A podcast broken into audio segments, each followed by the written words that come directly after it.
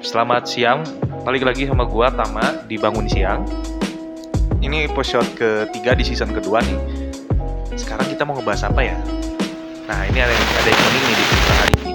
Kenapa sih hari ini kita ngomonginnya eh, dengan tukang seblak terus sama pop ice nya? Ada apa ya sebenarnya eh, pop ice dan warung sebelah? Nah ini kebetulan kita kedatangan tamu juga. Ada Megan dan ada saudara Ayu. Bisa perkenalan masing-masing nggak ini? Halo, selamat siang. Gua Megan. Hai, aku Ayu. Nah ini saudara Megan ini kebetulan dia sebagai ketua Karang Taruna Kelurahan Sarijadi, betulnya Alhamdulillah diamaninya seperti itu, Pak. aman. Berarti amanah ya berarti. Amanah, amanah. Nah ini Ayu juga yang kemarin ngisi di season pertama ya tentang ghosting nih. Kayaknya pengalaman nih dengan warung seblak dan pop ice.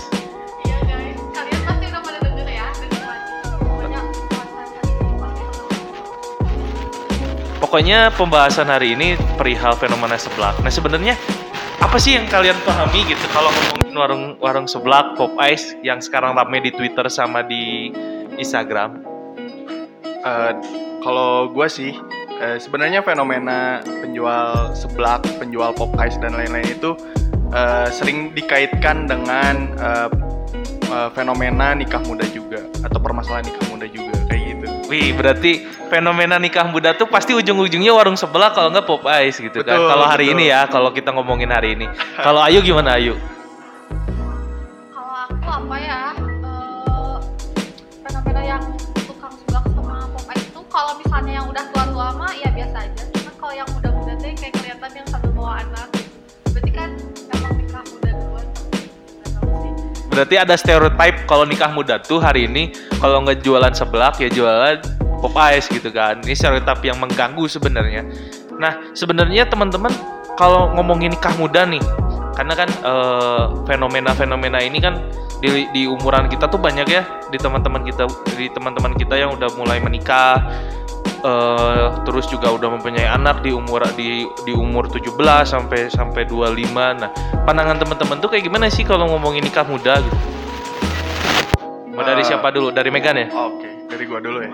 Eh, kalau dari gua sih eh, pandangan dari gua nikah muda sah-sah saja, tapi eh, ada juga yang harus ditanyakan kepada kedua belah pihak apakah mereka sudah siap. Kan penyebab nikah muda itu eh, banyak faktor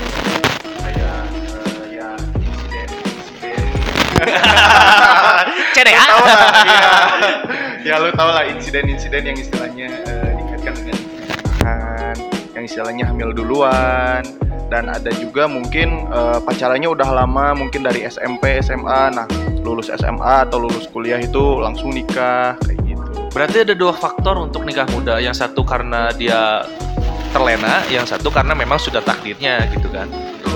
Terlena karena jinah gitu kan. Kalau pandangan dari gue Terlalu enak jadi lupa cabut kayaknya ini. itu pembahasannya 18 plus pak. Nanti dibahasnya harus malam jam 12 malam Iya. ke atas kayak gitu. nah, kalau dari Ayu gini, fenomena nikah muda itu kayak gimana sih pandangan Ayu gitu?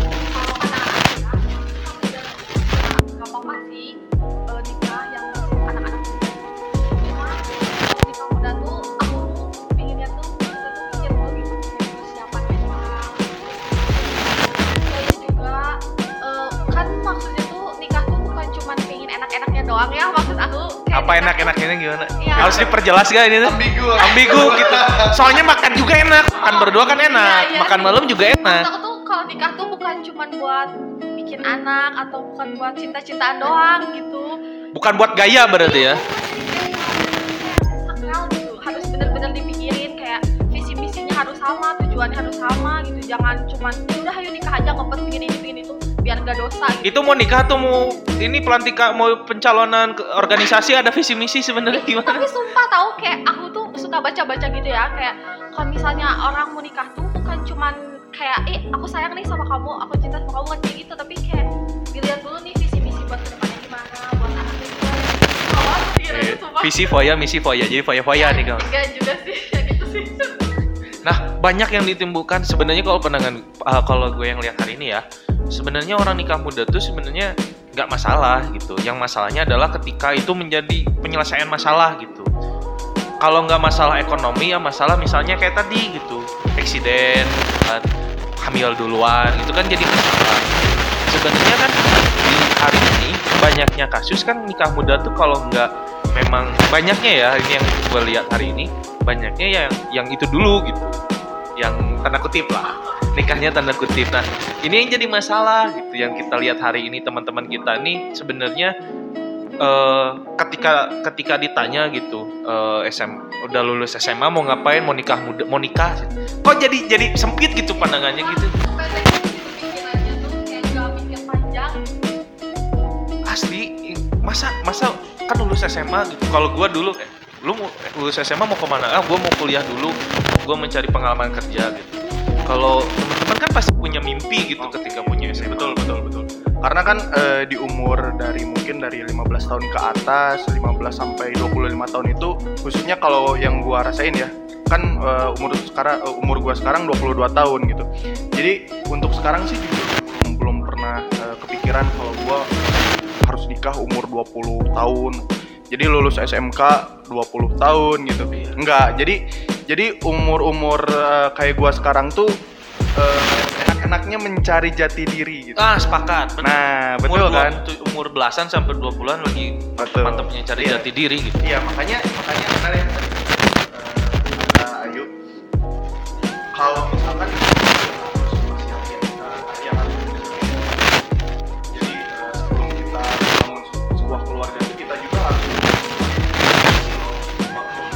bersama gitu antara suami dan istri gitu.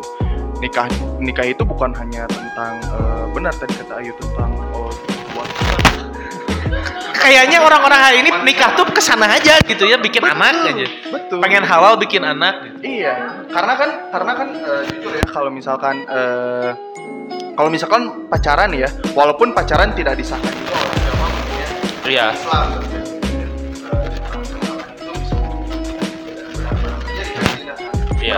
Pacaran, sayangan, eh tiba-tiba dia Iya kan? tiba-tiba satu selimut aja kan? Tiba-tiba satu selimut, satu bantal, satu kasur. iya itu yang bahaya. Makanya makanya eh, se- sebisa mungkin hindarilah pacaran boleh, yang tidak disalahkan juga sih. tapi jangan berlebihan lah kalau Tapi pacaran jangan berlebihan juga. Ya istilahnya jam 9 atau jam 10 pulang rumah masing-masing lah. Iya, jangan ke pulang Oyo atau Red Dot kan pulangnya kan. Itu yang bahaya kan kalau pulangnya ke sana itu bahaya. Betul, betul itu yang bahaya. Nanti kan ya nikah muda, terjadilah jualan seblak dan. Nah, itu gitu kan itu banyaknya seperti itu Seperti fenomena itu sih banyaknya. kan. Iya, teman-teman gue juga ada sih beberapa yang nikah muda yang benar nikah nikahnya karena memang sudah eh, dia udah mateng gitu, dia menemukan jodoh yang pas gitu kan dengan pemikiran yang pas. Ya alhamdulillah gitu. Dia eh, sampai sampai hari ini gue salut eh, mereka membangun rumah tangga sampai punya anak eh, maksudnya keren juga gitu nikah muda. Tapi ada beberapa temen gue yang udah nikah, nikah muda khususnya karena eksiden, tapi tidak berujung ini teh gini tidak berujung apa? Iya, akhirnya jelek gitu. Tidak happy ending ya. Happy ending, bad aja gitu. Bad. Pasti eh, masalahnya adalah di akhir dia melakukan perceraian. Nah ini kan harusnya kita antisipasi gitu kan, bahwa sebenarnya pernikahan tuh bukan diakhiri, pasti kan pernikahan itu di- diakhiri oleh dua perceraian atau kehilangan Tinggal temannya, mati. ditinggal Iya. mati. Betul betul. Nah, eh, memang sih ya eh, kemarin gue baca-baca juga tentang eh, kasus perceraian yang terjadi di Indonesia. Eh, jadi di Indonesia pada tahun 2020 ini dari pengadilan agama ya, gue baca datanya. Jadi eh, dari 2020 ini sepanjang 2020 itu eh, kasus perceraian terjadi sebanyak 290 ribu lebih loh. Itu serem kan? Wow banyak sekali. Apalagi kalau misalnya kemarin itu waktu awal pandemi kita lihat eh, Yes. Apa pengadilan agama Kabupaten Bandung gitu. Yes. sekitar hampir 4000 orang yang bercerai hari itu di, di rentang umur eh, belasan remaja sekitar 17 sampai 25 kan gila bagi gua gitu. Itu kan pemuda tuh, umur umur Iya. segitu kan bisa dikategorikan nikah muda. Nah, jadi memang eh, sebelum eh, apa ya, yang dipersiapkan juga sih mental dan faktor psikologis itu dari pihak eh, pria ya. Iya. Karena kan eh, pria yang nantinya eh, nikah nantinya bakal jadi suami kan, Pasti. bakal menjadi pemimpin sebuah keluarga gitu. Jadi imam, Jadi imam. Imam Mak- Mahdi gitu. makanya sebenarnya sih eh, yang harus disiapkan mental dan psikologisnya juga kan bukan dari pihak eh, pria juga wanita juga harus disiapkan karena mereka eh, karena pihak wanita ini nantinya bakal mengurus rumah tangga, ngurus Betul, betul. anak Betul. dan lain-lain. Makanya faktor psikologis dan mental ini harus kuat gitu. Makanya yang harus disiapkan itu apakah mereka siap atau mereka tuh menikah hanya untuk sah dulu aja gitu. Kan itu yang ya itu yang paling paling parah itu. Nah kan kalau eh, laki-laki dia mempersiapkan dulu kan jenjang karir gitu kan. Itu. Karir pendidikan dan lain ya. Kalau misalkan hari ini kalau misalnya gue ditanya nih kenapa lu belum nikah? Ya gue pengen menyiapkan dulu karir gue gitu kan relasi kan ada istilah orang yang kaya hari ini bukan orang yang punya modal tapi yang dia mempunyai banyak jaringan gitu. Nah kalau dari pandangan perempuan nih apa yang harus disiapkan untuk nan- apa untuk siap menikah gitu? Apa biasanya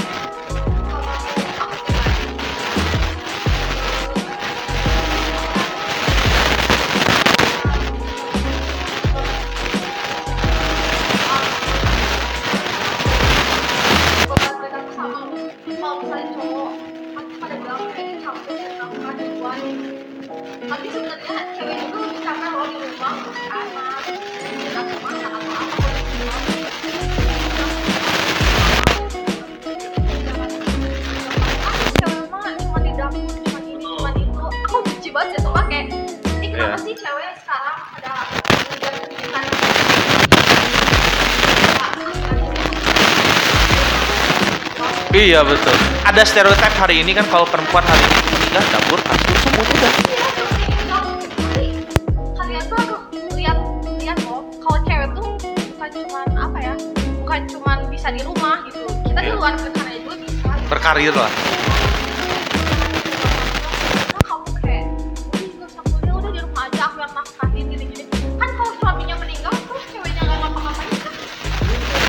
Paling kalau nggak jual token listrik kan jualan sebelah.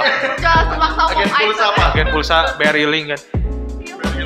Nah ini ada stereotip nih di perempuan, khususnya stereotip perempuan. Kayak ada yang bilang gini, kalau perempuan itu nggak butuh waktu lama gitu. Sebenarnya apa yang disebut eh, nggak ada waktu apa nggak perlu waktu lama gitu. Semua orang punya waktunya masing-masing. Kalau bagi gue ya laki-laki punya waktunya, perempuan punya waktunya. Ada ada ada nggak ada perbedaan gitu. Kenapa hari ini pemikiran-pemikiran gitu masih ada gitu? Kayak perempuan tuh pastilah dipinang gitu kan. Perempuan tuh pasti gini nggak akan cepat. Maksudnya kan pasti pasti ada pemikiran kayak gitu. Kayak waktu dulu gue pacaran gue udah udah mikir eh, lebih jauh ya. Gimana kalau misalnya hubungannya eh, ya kita lebih sehat dulu gitu kan. Kita bangun karir kita nabung gitu.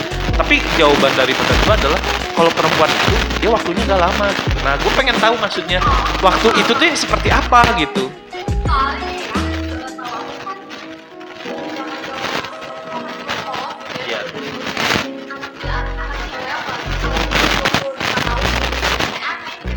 kayak beban gitu kayaknya tuh.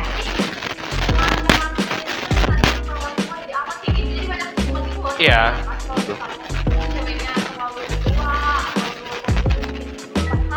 menurut aku ya apalagi prinsip aku pribadi aku sampai umur misalnya aku nggak tahu ya eh, dapat jodohnya kapan gitu. Iya. cuman aku misalnya kalau misalnya abit-abit ya kalau umur 25 atau sampai 30 belum nikah juga ya udah santai aja gitu soalnya kayak bahagia tuh kita yang nyiptain gitu bukan kita harus nuntut pasangan buat ngebahagiain kita. Betul betul sumpah aku kayak orang-orang tuh kayak eh cepet nikah nanti keburu akhir zaman keburu ini. Ya udahlah kalau misalnya nggak ketemu di dunia sama jodohnya pasti di akhirat juga ketemu gitu. pasti pasti. Asli. Berarti kan ini kan karena pemikiran tua ya sebenarnya Iya. pemikiran orang-orang dulu gitu. Karena ada perbedaan zaman hari ini kan eh, ada maksudnya era globalisasi teknologi udah maju pola berpikir pun harus maju, eh, lebih maju ya mungkin di zaman tahun 60 50 orang nikah umur 17-an hal yang wajar nenek gua juga nikah umur 17 gitu. Kakek gua umur sekitar 21 itu hal yang wajar gitu kan. Karena apa yang dikonsumsi hari ini sama apa yang dikonsumsi dulu itu berbeda gitu. Pola pola pola bergaul pola bersosialisasinya pasti berbeda gitu. Ini berkembang gitu. Hal ini yang menjadi eh, pemikiran yang dibawa ke hari ini gitu yang seharusnya ini yang harusnya kita tuh lebih maju gitu. Umur 20 tahun gue harus ngapain nih gitu? Gue harus menciptakan apa gitu? Bukan ujung-ujungnya lu mau, mau gimana habis SMA ah udahlah nikah aja. Gitu. kok sempit gitu dari situ?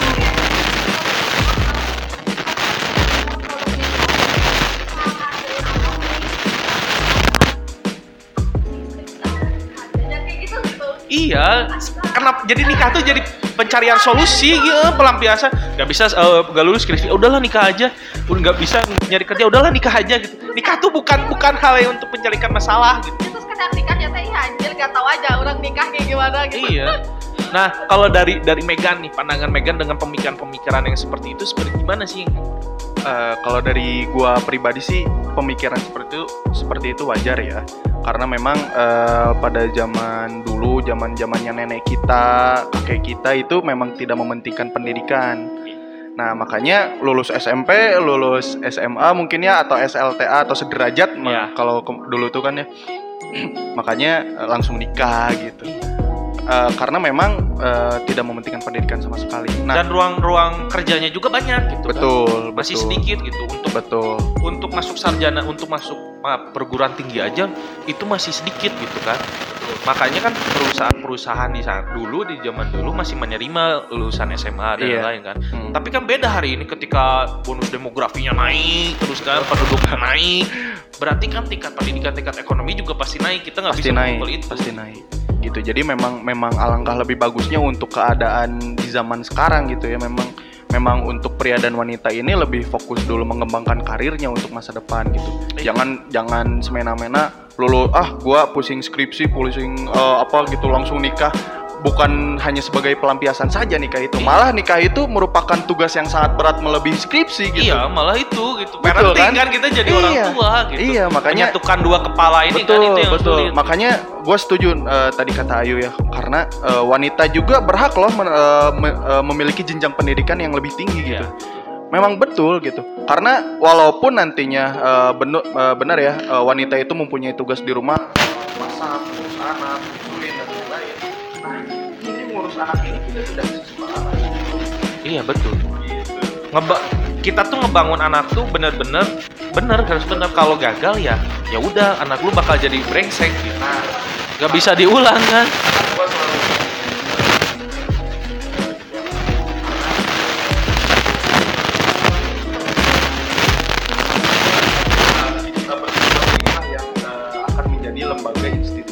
pendidikan anak yang pertama Iya, betul.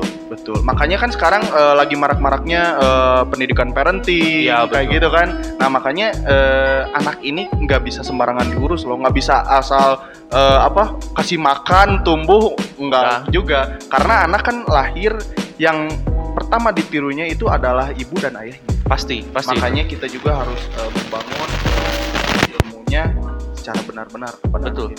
ada hal yang menarik hari ini gitu. Gua melihat teman-teman eh, hari teman-teman gue ya khususnya yang udah nikah muda, anak-anaknya tuh eh, gak tahu ya. Ini gue menganggap kok lu sebagai seorang orang tua menyerahkan kepada neneknya gitu, dibimbing oleh neneknya. Lu ke mana aja gitu kan? Lu malah malah malah, malah sibuk main, malah sibuk ini. Nah, itu yang jadi bahaya itu yang jadi bahaya jangan sampai si anak ini memikirkan bahwa neneknya itu adalah ibunya Nah itu betul betul. nah kita sebagai orang tua harus diaku dulu sebagai anaknya bahwa bahwa saya tuh ayahnya loh bahwa Ayu tuh adalah ibunya loh gitu iya. bahwa bahwa eh, apalagi nih ya eh, kan nah ini eh, nyambung juga nih ke nikah muda nih ke ibu-ibu muda nih Ibu-ibu. kebanyakan ibu-ibu muda itu mengalami baby blues Iya benar betul. pasti. Pasti, Ah, pasti. baby blues gitu. Jadi makanya eh, apa ya nggak aneh juga ya sekarang yang nikah muda gitu ibu-ibu muda menyerahkan anaknya tuh ke neneknya. Macan-macan mama cantik kan. Jadi macan. Oh cantik beda gitu. Nah itu yang jadi bahaya gitu. Jadi kalau bisa sih memang kalau menurut gue ya karena gue juga nantinya akan menjadi pemimpin di sebuah keluarga, gue bakal menegaskan ke istri gue bahwa eh, dari umur saat eh, golden age ya dari Ya. umur 0 tahun sampai lima tahun itu gue mau eh, istri gue yang ngurus anak gue, bukan nenek gue. Gitu. Iya. Jadi jangan semua dilimpahkan gitu. Kita sibuk main, Betul. udahlah ada neneknya Betul. kita simpan gitu. Betul. Gak bisa gitu gitu. Betul. Jadi yang gue lihat hari ini jadi aneh gitu. Orang tuh mau enaknya tapi nggak mau ngurusnya Betul. gitu. Nah Kita tuh harus mau enaknya mau ngurusnya Iya, juga gitu. Apalagi pendidikan non formal di tingkatan keluarga itu lebih penting. Gitu. pendidikan informal itu. Ah, Nah, pendidikan informal iya. kan. Eh, itu harus lebih lebih lebih diutamakan. Iya iya. lebih intens. Karena dia akan mencontohkan gitu. Dia bisa berbicara kasar kalau misalnya orang tuanya berbicara kasar. Betul, itu yang bahaya. itu yang bahaya. Dia akan berlaku buruk ketika orang tuanya berlaku buruk. Nah Betul. kan pende- eh, apa ya namanya? Nenek da- eh, nenek dengan kita itu kan beda zaman. Pola pendidikannya pasti beda. Nah jangan disamakan gitu. Jangan disamakan nenek gitu nantinya ya generasi generasi masih berpikir berpikir tua Betul, betul. bukan berarti gua nggak bukan berarti gua tuh ya udah kalau punya anak Hmm. jangan ke nenek bukan gitu Nah. gitu Ini sih yang yang gue sering eh, sering lihat ya di eh, di apa ya di keluarga-keluarga muda kayak gitu ya. Eh, bukan hanya keluarga muda aja sih, ini yang eh, anaknya baru lahir juga kan. Hal yang pertama diajarkan kepada anak itu bukan membaca, bukan berjalan, tapi gadget. apa? Tapi etika. Nah, kita sudah mengajarkan etika, tapi kita mencontohkan yang tidak baik kan itu buruk Itu ya, juga. betul. Kita men, eh, kita misalkan ya, kita ke anak kita contoh eh, kita mencontohkan harus begini, harus begini, harus begini, tapi kita sendiri berperilaku tidak baik di, hadap- di hadapan anak kita gitu. Iya. Kita ngomong kasar, ngomong eh, ber- berperilaku yang tidak baik di hadapan anak kita, otomatis itu akan dicontohkan. gitu. pasti gitu maksudnya ada ada beberapa faktor yang harus kita perhatikan lah ketika nikah Betul. karena yang mengikat kita tuh eh, bukan bukan karena kita sayang nantinya gitu. masalah cinta itu bakal ba- apa ya akan kambuh sendiri gitu akan bosan Iya. tiap hari kita ketemu tiap hari maksudnya tiap hari kita tidur bareng gitu kan kita pasti pasti pasti jenuh gitu tapi Betul. kan ada hal yang paling mengikat di pernikahan itu ya pasti anak gitu Iya. kita mau gimana gimana pun ya keikat dengan anak Betul. Memang sih ya eh, dalam sebuah keluarga eh, pertengkaran suami istri pasti eh, ada ada pasti pasti itu bumbu. Tapi tolonglah kalau misalkan bertengkar gitu ya suami istri jangan di hadapan anak. pasti itu harus harus Nah, harus harus itu- itu. dihindari gitu karena Itu harus dihindari banget. takutnya anaknya akan mengikuti hal-hal yang seperti itu gitu. Nah, kalau dari Ayu pandangan Ayu melihat eh, stereo apa ya fenomena yang tadi deh fenomena Mahmud gitu, mamah muda, mamah cantik yang udah punya anak tapi eh, kesannya masih masih muda banget gitu, masih main sana sini, anak dititipin gitu. Pandangan Ayu gimana?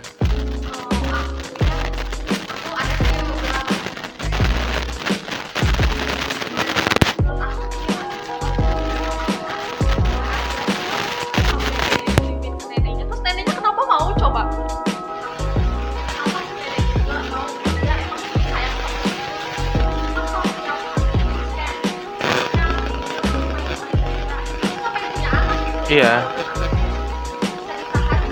iya. Untuk main ya gitu, main tiap hari gitu.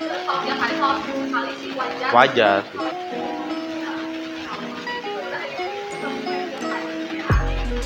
Iya, ada temen temen gue di beberapa di temen gue lah di IG gitu. Gue tahu dia udah nikah gitu, udah punya anak. Tapi gue lihat si ya suami istri ini main ke tempat dunia malam gitu. Wow, kata gue gimana asik gitu. Anjir, anak lu ke mana gitu? Anak lu di mana gitu? Yang harusnya lu ngajarin ngaji, lu ngajarin eh, beretika itu gimana gitu kan?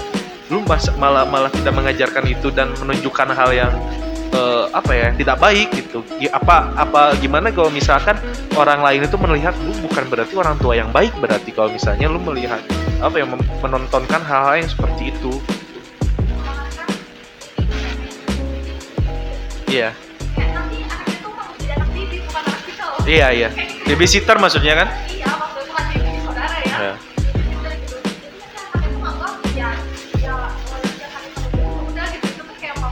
iya.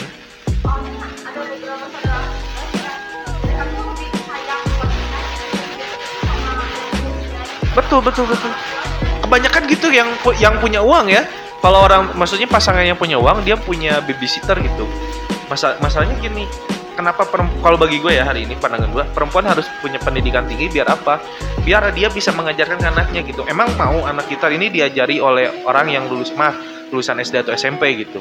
Sedangkan kita tahu di perguruan tinggi itu kita eh, belajar bagaimana berpikir secara sistematis dan eh, mempunyai konstruksi berpikir yang bagus gitu.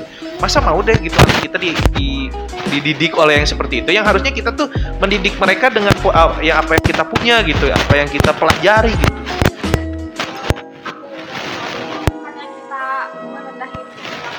Iya, atau gitu betul. bukan ya maksudnya tuh kayak anak tuh loh. Iya, Sebenarnya aku baca eh, kembang anak tuh kayak misalnya lagi hamil gitu ya.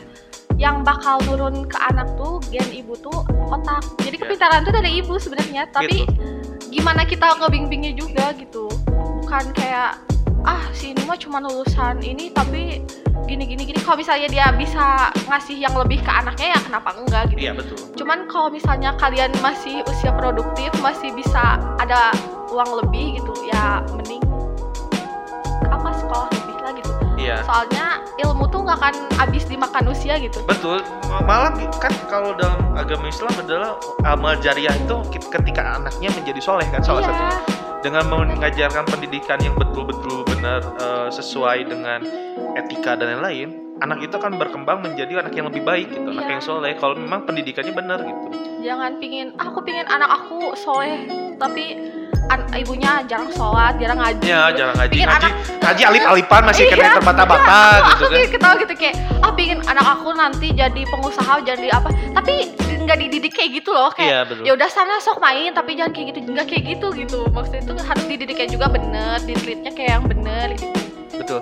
Nah ini ada ada salah satu kalau menurut gue bukan salah satu ya. Ini mungkin eh, menjadi pembenar alasan pembenaran ketika orang menikah muda karena agama nih. Eh, ini yang menjadi alasan, wah ya kan? ya Sebenarnya bukan berarti bukan berarti gue, enggak ya iya bukan buat mengkaidahkan agama, maksudnya pembenaran-pembenaran yang kayak gini tuh sebenarnya juga salah gitu. kalau kataku sempit sih Sempit kalau, gitu. iya kalau mikirnya Bacaannya masih sempit kan? Heeh. ketika kita ditanya gitu, "Eh, kenapa nggak nikah? Kan ni- eh, dalam Al-Quran ada gitu bahwa manusia ini dilahirkan berpasangan Iya. gitu. Nah, Setuju. kenapa mereka harus menikah dan lain-lain, menghindari zina dan lain-lain? Nah, Gue baca hadis Nabi. Kata Nabi gini, eh, pandangan eh, kata Nabi gini, ketika menikahlah kalau kamu sudah mampu gitu. nah. Tapi ba- eh, bagaimana Rasulullah ketika saya tidak mampu gitu, maka anda berpuasalah gitu kan. Berarti kan ada ada salah satu cara ketika kita Iya. tidak bisa eh, apa namanya tidak tidak bisa melakukan itu ya dengan apa berpuasa. Berpuasa kan menahan hawa nafsu bukan hawa nafsu. masih ada cara-cara lain Ada gitu ya. cara-cara lain kan, bukan nafsu untuk makan saja kita berpuasa, tapi nafsu untuk hewani lah kita sebut Iya. nafsu hewani untuk berkembang biak dan lain-lain itu bisa bisa diselesaikan, bisa misalnya bisa dibereskan dengan eh, berpuasa. Kenapa orang tidak berpikirnya ke sana nih? Pandangan Megan melihat pandangan yang seperti itu seperti apa? Eh, kalau gue sih eh, pandangan gue dari eh, Tama tadi ya permasalahan permasalahan apa tadi yang Alasan utama dan menjadi pembenaran kenapa nikah muda karena agama menghindari zina dan lain-lain. Padahal kan ada Betul. ada cara lain. betul. Nah itu eh, memang tidak dapat dipungkiri ya bahwa nikah itu merupakan kewajiban kita sebagai muslim. Betul. Betul kan? Nah, tapi kan tadi eh, ada kata-kata menikahlah ketika kita sudah mampu. Gua menangkapnya mampu secara apa dulu? Iya. Mampu secara ekonomi, mampu secara mental, mampu secara psikologis, dan mampu kita merasa sudah mampu bahwa kita sudah eh, apa ya berpikiran bahwa kita mampu eh, sudah bisa berkeluarga, sudah siap berkeluarga. Iya, udah siap menerima Itu kan. arung jeramnya lah. Iya, ini mak eh, eh, fenomena sekarang gitu ya yang terjadi. Ah, gua cinta dia, gua nikahin dia gitu. Supaya nggak bisa lepas gitu. Ya, iya, iya. Istilahnya ya udahlah nitip saham dulu gitu kan. Memang benar menikah itu kita kita terikat gitu antara kita eh, antara eh, apa antara suami dan istri itu pasti terikat gitu. Tapi eh, kejadian perselingkuhan itu pasti akan apa ya? Akan terjadi kalau misalkan mereka belum siap. Betul. Betul. Dan hanya mengandalkan nomor, cinta. nomor- permasalahan nomor satu dalam setiap hubungan. Betul, Nah, betul. Makanya gue waktu itu melihat data dari eh, pengadilan agama ya. Ternyata bukan faktor ekonomi. yang faktor itu- ekonomi itu kedua. Kedua, tapi Yang- faktor sosial media yang pertama hari ini menjadi Faktor sosial media, perselisihan dan pertengkaran. itu Nah, itu makanya kan masih banyak ya orang yang udah nikah muda tapi curhat masalah keluarga di sosial media kan maksudnya gak etis juga. Oke, ada betul. kan nih teman-teman kita ada gitu. Ada ada. Gua setuju gua setuju gua setuju. Itu kan jadi masalah bu. Maksudnya obrolan obrolan eh, rumah tangga kok dibawa ke publik gitu yang dikonsumsi harusnya- oleh publik iya, ya? harusnya iya kan makanya. ranah privat tapi dikonsumsi publik kan gila juga gitu. Mas Iya. mas masa ma- ma- sampai eh, ngomongin masalah kasur bagi gue nggak etis juga. Iya ma- makanya makanya gue yakin eh, orang-orang atau istri atau suami yang istilahnya menyebarkan aib mereka ya. Iya, gue sebut itu aib. Iya betul karena itu permasalahan privasi bro makanya gue itu sebut aib gue yakin eh, komunikasi mereka jelek. Pasti. Makanya kan dilampiasinya ke mana? Ke sosial media. Kayak gitu. Gak ada me time lah untuk pasangan tuh. Ah, nah iya. Kalau kalau gue waktu itu nonton YouTube siapa ya gue lupa. Cuma eh, dia bilang gini, setiap permasalahan hari ini dia harus beres di kasur gitu. Dalam artian bukan berhubungan ya. Sampai kita tidur tuh mau tidur masalah itu harus beres gitu. Betul, betul, betul. Makanya kan alangkah lebih baiknya gitu ya. Gue pernah baca-baca juga nih eh, dari salah satu ahli bahwa ketika ketika kita eh, berada di kasur yang sama dengan istri, sebelum kita tidur itu alangkah baiknya kita cerita-cerita Betul. apa yang eh, kita alamin hari ini. Nah itu yang paling penting. betul kan? Betul. Nah, ketika kita kan di situ pasti terjadi proses komunikasi. Iya. Nah makanya gue sebut komunikasi itu penting eh, di dalam sebuah pernikahan. Gitu. Nah, ayo nih. Tadi tadi kayaknya dia kayaknya kamu punya punya eh, apa ya misalnya? Oh ini teman gua banget nih yang curhat so- Nah, sosial media kayaknya. Betul betul. Kan kalau gue tuh eh, berpikirnya secara logika Iya. ya. Nah ini berpikirnya secara hati biasanya kalau Iya. cewek. Nah, bakal gimana lebih nih melihat nih? melihat fenomena-fenomena eh mamah muda mem- yang nikah muda ini selalu curhat di sosial media masalah rumah tangga, masalah ekonomi, sampai masalah-masalah yang gak harus diceritain ceritain gitu sosial media. kalau menurut aku ya soalnya kayak emang ada sih beberapa temen aku juga kayak kalau aku lihat IG udah katanya kayak naon sih gitu. Kayak permasalahan yang gak harus mereka bawa teh mereka ceritain gitu. Terus Iya. kayak orang teh kayak aku tuh nggak akan nanggepin gitu. Kalau aku baca juga kayak eh naon sih gitu. Menurut aku ya mereka tuh kayak kurang kurang apa ya? Kurang apa ya Iya komunikasi komunikasi pasti. pasti. gitu maksud aku kalau curhat tuh bukan sama sosial media bukan sama orang gitu bisa sholat banyak gitu caranya kenapa harus dilimpahin ke sosial media yang itu tuh kayak aib gitu kan nggak boleh sebenarnya ya ngebongkar aib suami sendiri atau apa Betul. itu tuh nggak boleh kan. Kan bisa curhat ke orang tua, kan, ke mama. iya tapi kalau misalnya kalau curhat ke orang tua ya yang aku baca gitu kita tuh kalau misalnya suami istri nih eh, si istrinya tuh sebel banget sama si suaminya jangan jangan curhat ke mamah kita Tapi, tapi mama curhatnya dia- mamahnya dia jadi bisa ditegur eh, eh, jadi bisa ditegur sama mamahnya gitu kayak masalah kayak gitu teh kayak nggak usah dibawa-bawa ke sosial media gitu kayak bukan artis deh gitu Iya gitu. Lu Kayak- siapa sih? iya, gitu. kayak so- Emang cerita lu Iya menarik. kayak gitu. so pingin diangkat-angkat gitu nggak akan viral gitu Enggak, kan nggak akan jadi selebgram Iya. juga, enggak gitu. asli kayak ada kayak aku ya suka aku kan suka nonton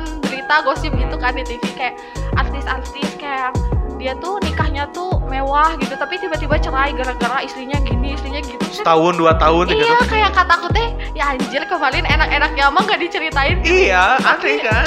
aduh Nah ini yang jadi masalah masalah juga adalah eh, ketika ini kan media sosial tuh kan eh, media interaksi ya. iya Ketika nanti misalnya mau suami atau mau perempuan atau sorry mau perempuan atau mau laki-laki ketika kita bercurhat kan berarti ingin di apa ya namanya tuh ingin dianggap hadir. Direspon. Pengen direspon Iya. kan pengen di- direspon sama seseorang yang aduh sebenarnya gua tuh nyesel loh gitu. Pengen iya kan jatuhnya jadi nyesel ya kan kelihatannya eh, nyesel loh gue nikah sama si ini tuh gitu. Gue tuh pengennya sama lu gitu. Tapi kan gimana gimana? Jadi jadi panjang kan cerita. Maksudnya kalau misal katakan gini misalkan misalnya mantan gua gitu curhat terus gue respon gitu emang kenapa? gitu kan. Jadi situ kan panjang nanti Iya. faktor perselingkuhan itu gede banget. gede gitu. banget di situ kan. Kayak nyaman nih nyaman. Nyaman banget gitu kan. Nah ini yang jadi masalah adalah ketika media sosial ini menjadi faktor perselingkuhan baru gitu. Nah Iya. kita yang harus hati-hati.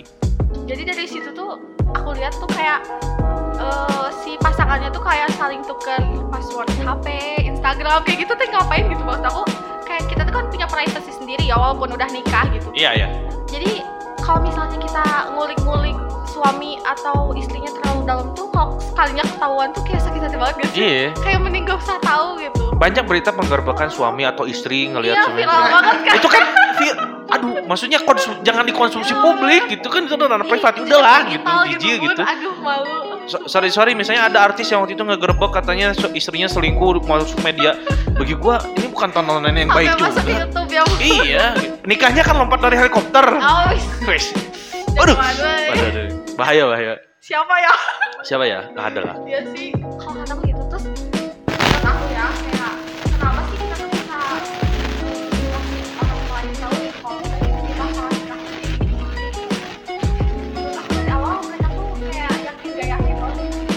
betul. Betul yang aku lihat ya kayak mama-mama dan kayak gitu ya, mataku kayak adem-adem aja gitu. Ya gitu kan gimana iya. Nggak diceritain untuk konsumsi ke keluarga. Iya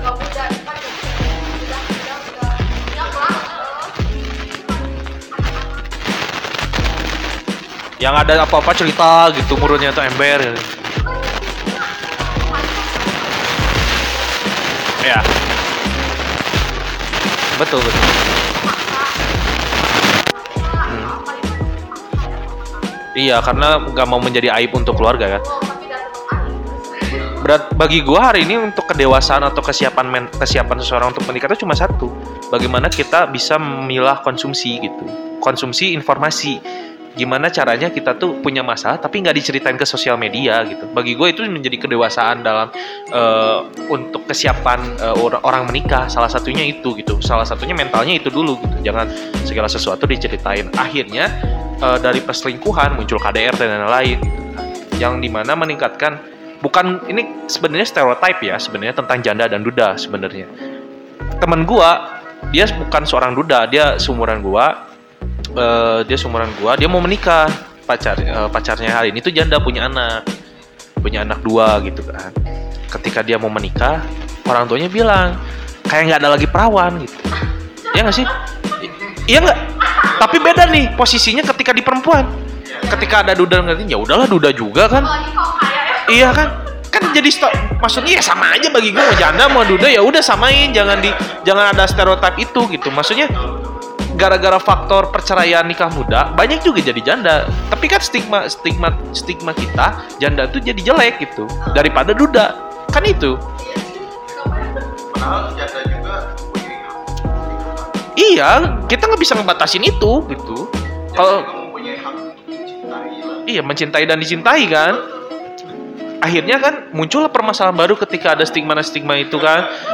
Jadi nggak maksudnya bukan bukan berarti gua janda itu salah. Cuma kan kebanyakan hari ini yang gue lihat adalah maaf, mohon maaf gitu jadi PSK dari sana kan. Alasannya kan dari faktor ekonomi gitu. Untuk menghidupi anaknya dia sampai sep- seperti itu gitu kan. Berarti kan kita harus mengantisipasi hal yang seperti itu gitu. Nah ini yang jadi jadi maksudnya kegundahan gua sih sebenarnya ketika orang nikah muda tuh ya lu hati-hati aja gitu. Temen gua iya gua kemarin baru ke nikahan temen gua kan SMP dia pacaran dari kelas 2 SMP lama sampai SMK bareng SMK 2 di SMK eh, kuliahnya beda akhirnya kerja dulu mereka temen gua yang laki-laki dua-duanya temen gua laki-laki perempuan itu temen-temen nongkrong gitu. Eh, laki-lakinya kerja di Kalimantan eh, perempuannya dia kerja sebagai eh, mua-mua wedding gitu kan eh, di bagian make up. Bagi gua wow berarti mereka udah siap gitu. Gua udah udah lihat eh, track record mereka lah maksudnya gua meng- menghadiri saksi mereka lah dari pacaran sampai nikah gitu. Memang memang eh, bener-bener nikah bukan karena eksiden gitu. Karena dianya udah siap gitu itu menurut gue keren sih bagi orang yang udah nikah muda. Yang bener ya dalam menikahnya karena benar dan siap ya bagi gue keren. Tapi kalau nikahnya karena keterpaksaan gara-gara takut jadi aib keluarga kan ya kacau juga gitu kan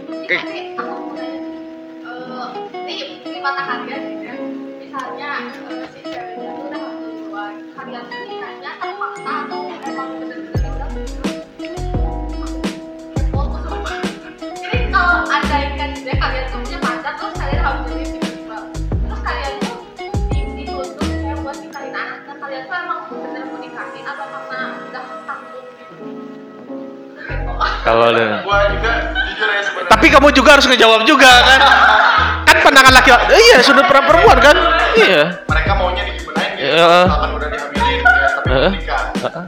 Ya, jujur sih ya pertanyaan itu. Eh, gua gua eh, juga gitu ya menjawabnya karena memang belum pernah merasakan juga seperti itu kan.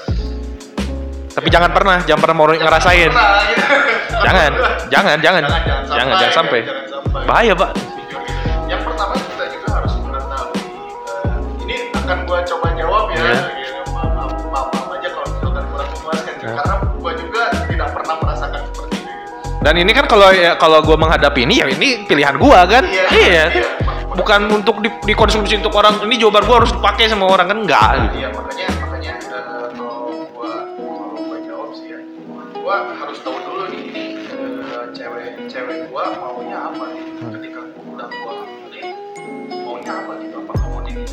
atau mau ditinggalin Iya kalau misalkan dinikahin juga hanya hanya hanya menyelesaikan masalah bahwa itu tidak menjadi aib keluarga lagi. Tapi Iya. yang menjadi masalahnya adalah anak kita berdua. Iya, Anak anak kita yang nantinya eh, apa eh, kasihan gitu nantinya nggak bakal dapat warisan dan lain-lain secara agama. Iya. Eh, itu harus dipikirkan lah. Makanya eh, kalau misalkan cintaan pacaran ya ya udahlah. Walaupun memang pacaran itu ya. iya betul betul Yang maksud gua Cina tuh ya istilahnya satu selimut satu kasur. Eh, bobo bareng bobo bareng intinya mah Bareng gitu ya. Iya. Bawa Bareng gitu ya. terjadi inilah pembuatan anak lah kan Iya, gitu Terjadi prosesnya pembuatan anak. ah itu kan proses reproduksi aja kan Tapi kalau nikah itu jangan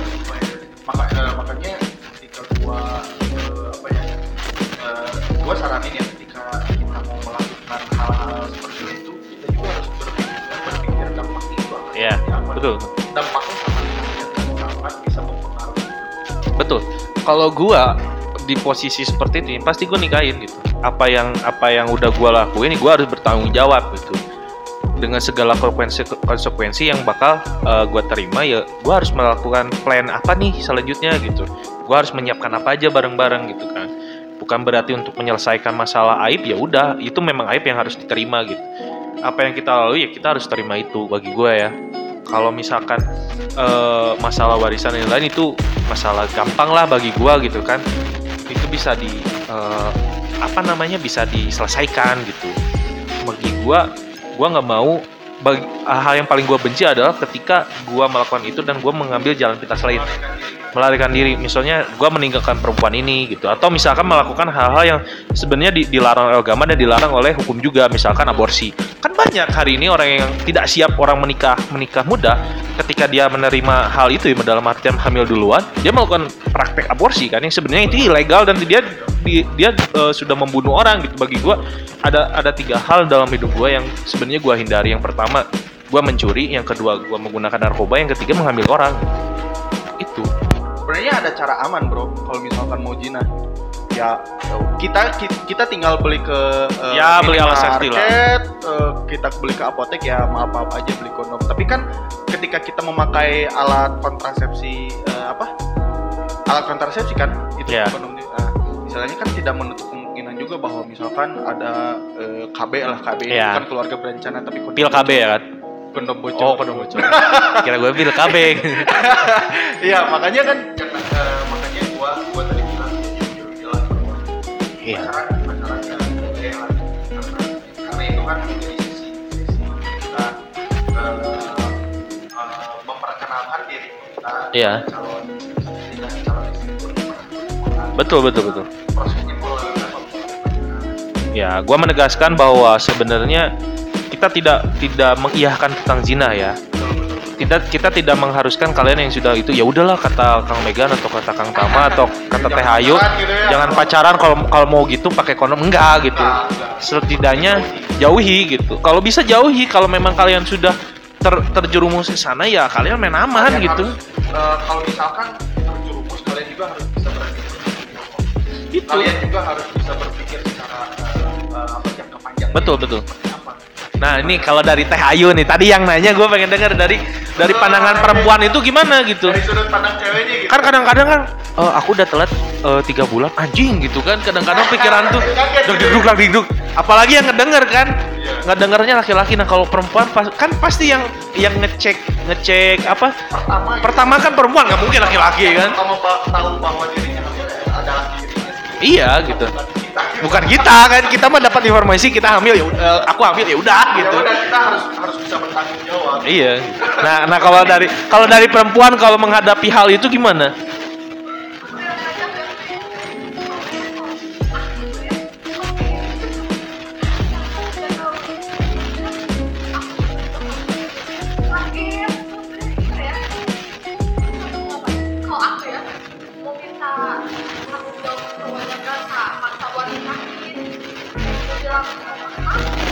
Takut digantung.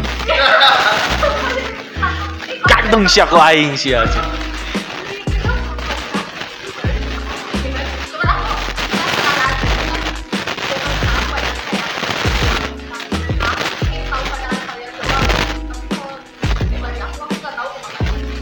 kalau dari gue sih gue mau ngasih ngasih eh, saran lah untuk teman-teman pendengar eh, podcast bangun siang. Kalau teman-teman ada di posisi itu yang pertama teman-teman harus ngobrolin dengan pasangannya yang pertama. Yang kedua jangan mengambil pilihan-pilihan yang yang sebenarnya merugikan. Ya merugikan merugikan gitu. Jangan jangan memilih-milih. Ya kan pasangan dulu saya ambil maunya gimana gitu. Pilihan masing-masing sih.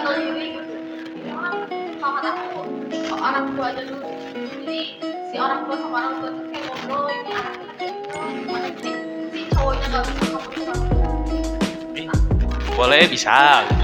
Tapi yang penting jangan mengambil pilihan-pilihan yang tadi itu mengaborsi. Itu kan eh, se- eh, se- satu sisi kalian membunuh orang manusia satu, sisi membunuh manusia satu sisi kalian membunuh anak kalian sendiri satu sisi eh, kalian juga lari dari masalah. Dan kalau kalian melakukan itu ya udah gitu. Gue punya temen yang sebenarnya gue gue punya teman sebenarnya di kelas gue dia nikah dia eh, bukan nikah sih dia melakukan itu perempuannya hamil eh, dia minta saran dari gue kan eh sarannya gimana? Ya udah lu nikah tuh tanggung jawab udah itu aja gitu. Tapi orang tuanya nggak mau sama gua gitu karena faktor ekonomi lah guanya nggak gini gitu. Ya lu berani berbuat berani tanggung jawab kata gua tuh. Akhirnya nggak ketemu datang lagi cerita gitu. Gua melakukan inilah aborsi Sumpah. sumpah. Berhasil. gitu. Satu sisi gua bukan orang yang tipikal yang suka marah ya. Tapi di satu sisi waktu gua sebenarnya tingkat marah gua ada di situ. gitu lu lu adik udah dianggap adik gua lu melakukan hal bodoh gitu kan? Gak tanggung jawab lu lari. Gitu bagi gua lu anjing lebih hina dari man- seorang manusia gitu. Lu nggak pantas gua disebut manusia lagi sama gua gitu kan. Bahkan binatang pun untuk membunuh anaknya kalau anaknya dia sakit kalau dia lahir dia punya cacat dia dibunuh gitu kan. Lu lebih hina bagi gua ket- ketika lu mengaborsi orang gitu. Lu lari dari situ gitu men. Gua nggak mau nggak mau kenal lagi sama lu. Lu bukan orang yang bukan layak sebagai eh, laki-laki lu nggak layak sebut sebagai seorang manusia bagi gua gitu gitu. Berarti kita respect ya sama kalian yang bukan kita apa ya bukan kita menghalalkan kalian hamil di luar nikah cuman kita respect gitu sama yang emang udah ketahuan hamil terus tapi berani bertanggung jawab iya gitu. aku respect banget sumpah kayak ada temen aku beberapa yang umurnya tuh di bawah aku gitu. Eh, dia tuh hamil terus dinikahin gitu walaupun si suaminya tuh bukan gak bener ya apa ya kayak belum kerja belum dapat penghasilan kayak gitu-gitu. Cuman dia kan suka curhat ke aku tapi eh, dia tuh kayak iya berta- berani bertanggung jawab terus eh, apa namanya kayak mempertahankan loh. Karena aku aku mah kan orangnya teh emosian ya anaknya teh. Jadi kalau misalnya dia cerita apa yang menurut aku kayak udah nggak pantas dipertahanin teh udahlah cerai aja gitu pikiran aku. Terus kata dia tuh kayak gini aku mah nggak mikirin tentang cita-citanya cuma mikirin anaknya. Kalau kita cerai itu udah mah anaknya teh bukan anaknya aib ya udah mah yang kita lakuin teh aib. Gitu terus kita cerai anaknya mau kayak gimana nih pasti. Asli aku kayak sedih banget sih di situ kayak iya. teh umurnya masih muda cuman kayak berani bertanggung jawabnya teh asli ada beberapa teman gua yang eksiden nih. Sua- eh, teman gue perempuan eh, laki-lakinya gue tahu dia meng apa ya menghidupi anaknya tuh dengan uang haram gitu. Dengan dia jadi bandar narkoba kan sebenarnya jadi haram ya kan tapi aneh eh, gobloknya laki-laki ini dia main lagi sama perempuan lain gitu kan. Ah, kalau itu itu gak tau diri sih. Itu maksudnya itu gila banget sih. Anjing gitu bagi gua hina lu lagi laki-laki gitu. Eh, jangan sampai teman-teman yang mendengarkan podcast bangun siang melakukan hal-hal bodoh bagi gua gitu. Kalau udah udah udah jadi udah lu harus terima gitu. Jangan menghadapi hal-hal yang kayak gitu gitu. Nah ada gua beberapa waktu gua baca eh, buku lah bagi gua buku ini menarik lah tentang eh, seorang perempuan yang ingin menghidupi anaknya Eh, tapi dia malah eh, dia bekerja sebagai seorang eh, pekerja seks yang lesbian untuk lesbian. Dan itu buku rekomendasi banget gitu bagi gua. Betul gitu. Bisa Bukunya apa pak? Bukunya apa pak? Ini buku dari Kang Maman Suherman. Kang Judul- Mawan Herman Re Judulnya ya? Re. Re, Itu iya. benar-benar Mantap rekomendasi. itu. Gua gua baca. Itu rekomendasi buat teman-teman agar tidak melakukan hal-hal buruk. gitu. Teman-teman bisa belajar dari Re gitu. Nah, salah, eh, ada ada salah satu tokoh sufi di sekitaran Irak Iran namanya Rabia al Adawiyah. Dia seorang budak dulunya. Dia diculik jadi budak. Akhirnya dibebaskan. Eh, dia saking cantiknya sangat diminati oleh kaum bangsawan dengan dan eh, pemuka agama. Ketika satu waktu dia ditanya mau nggak nikah sama saya. Akhirnya dia menanyakan, "Eh, oke saya mau menikah tapi eh, jawab pertanyaan saya. Ya silahkan, apa pertanyaannya? Dia bilang, dia bertanya gini, "Eh, Tuhan memberikan kodrat seorang laki-laki eh, seperti apa? Tuhan memberikan kodrat laki-laki dengan sembilan logika dengan satu nafsu. Nah kalau untuk perempuan itu berapa kodratnya? Lalu si ulama ini menjawab, eh, si laki-laki ini menjawab, sorry, "Eh, perempuan diberikan sa- sembilan nafsu dan satu logika. Lantas kenapa saya yang perempuan bisa menjaga hawa nafsunya yang diberikan sembilan dengan satu logika? Tapi kenapa anda yang sebagai seorang laki-laki bisa gak bisa menahan nafsu dengan sembilan logika? Akhirnya itu kan menjadi pertanyaan bahwa saya yang punya sembilan nafsu tapi bisa menjaga naf- hawa nafsu dengan satu logika tapi anda yang diberikan lo- eh, sembilan logika tidak bisa menjaga satu hawa nafsu jadi bagi gua hari ini menikah muda tuh bukan karena anda nafsu, bukan anda menjadi, bukan kalian menjadi strata sosial dalam artian wah anjir nikahnya rame, pesta dan lain. Bagi gua hari ini melihat orang menikah itu menjadi strata sosial gitu. Jangan jadikan nikah itu menjadi salah satu kewajiban. Kewajiban ini karena anda kesi- eh, anda siap, bukan berarti ah, saya eh, ini sebagai kewajiban, tapi ini jadi strata sosial. Kebanyakan orang seperti itu menikah karena gaya gitu ya kan ya tahu sendiri kan orang yang menikah muda hari ini eh, kalangan artis kan ujung-ujungnya seperti apa? Banyak kan itu terjadi. Banyak. Ini malahan baru-baru ini kan banyak gitu kasus-kasus itu kan. Eh, malah yang nikahnya tuh seumuran kita dan anak ustad gitu. Ada ada ada. Makanya yang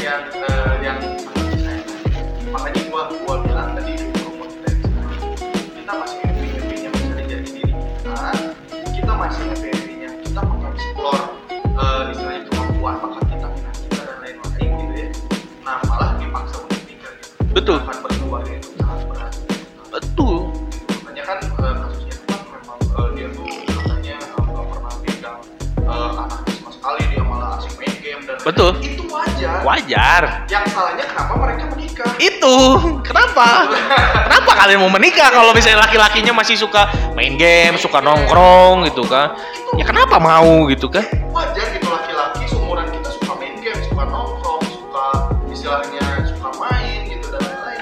Itu wajar gitu. Yang menjadi permasalahannya kenapa mereka menikah? Itu kenapa kalian mau melihat mereka- kondisi itu? gitu?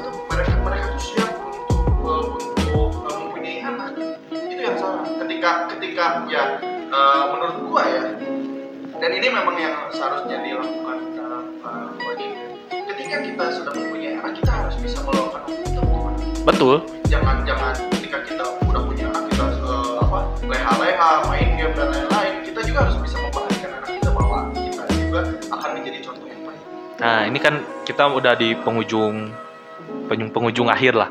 seru banget ya Seru ya kalau ngomongin perihal nikah dan lain Banyak- apalagi banyak khususnya banyak khususnya pemuda gitu kan. Nah, ada ada ada sepatah dua kata nggak nih buat pendengar kita gitu. Mau itu yang sudah melakukan dalam artian sudah sudah ham- hamil duluan atau yang sebenarnya masih bimbang gitu antara mau menikah atau melanjutkan karir. Nah, ada ada satu dua kata atau pesan nggak nih buat mereka? mungkin dari dulu ya Ya, dari perempuan biasanya. Cewek dulu Iya.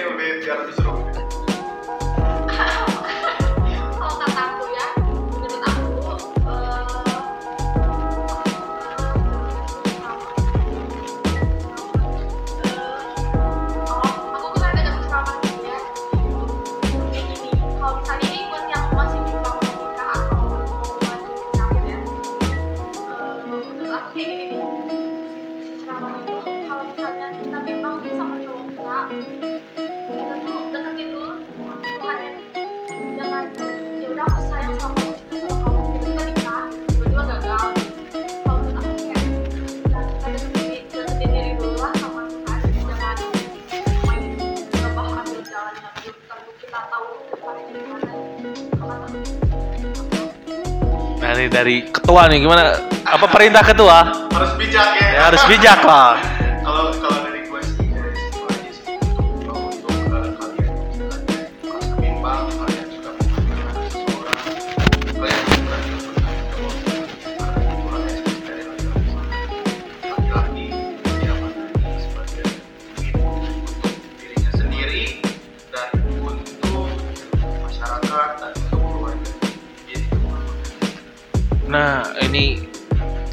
Dari gue ya. Kalau dari gue buat teman-teman pendengar kalau teman-teman ada di posisi itu eh, pertama teman-teman harus berpikir secara jernih jangan mengambil jalan pintas.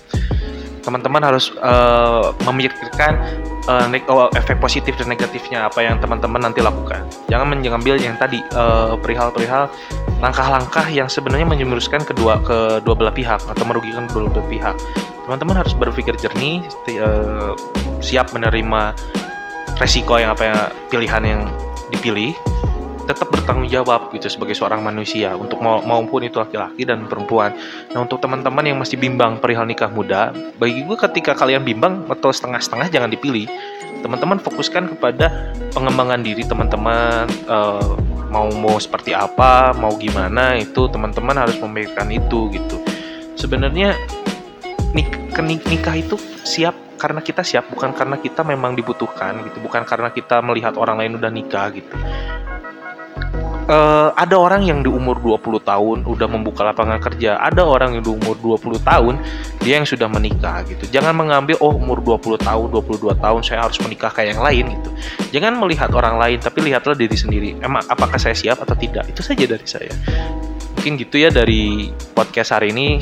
Barangkali bisa membuka mencerahkan pikiran teman-teman yang sedang kebingungan yang sedang mau nikah atau misalnya mau lanjut kuliah atau mau gimana pun atau mi- semoga bermanfaat gitu nah ini juga kebetulan gue mau, mau ngucapin selamat hari jadi Karang Taruna ke-61 sebagai organisasi kepemudaan, organisasi sosial eh, Karang Taruna menjadi organisasi atau garda terdepan untuk menyelesaikan permasalahan eh, permasalahan kesejahteraan sosial. Eh, mungkin dari gua segitu aja. Tetap eh, demen-demen dengerin eh, podcast bangun siang, terus pantengin bakal ada episode-episode baru. Eh, gua Tama, u- eh, gua undur diri. Assalamualaikum warahmatullahi wabarakatuh.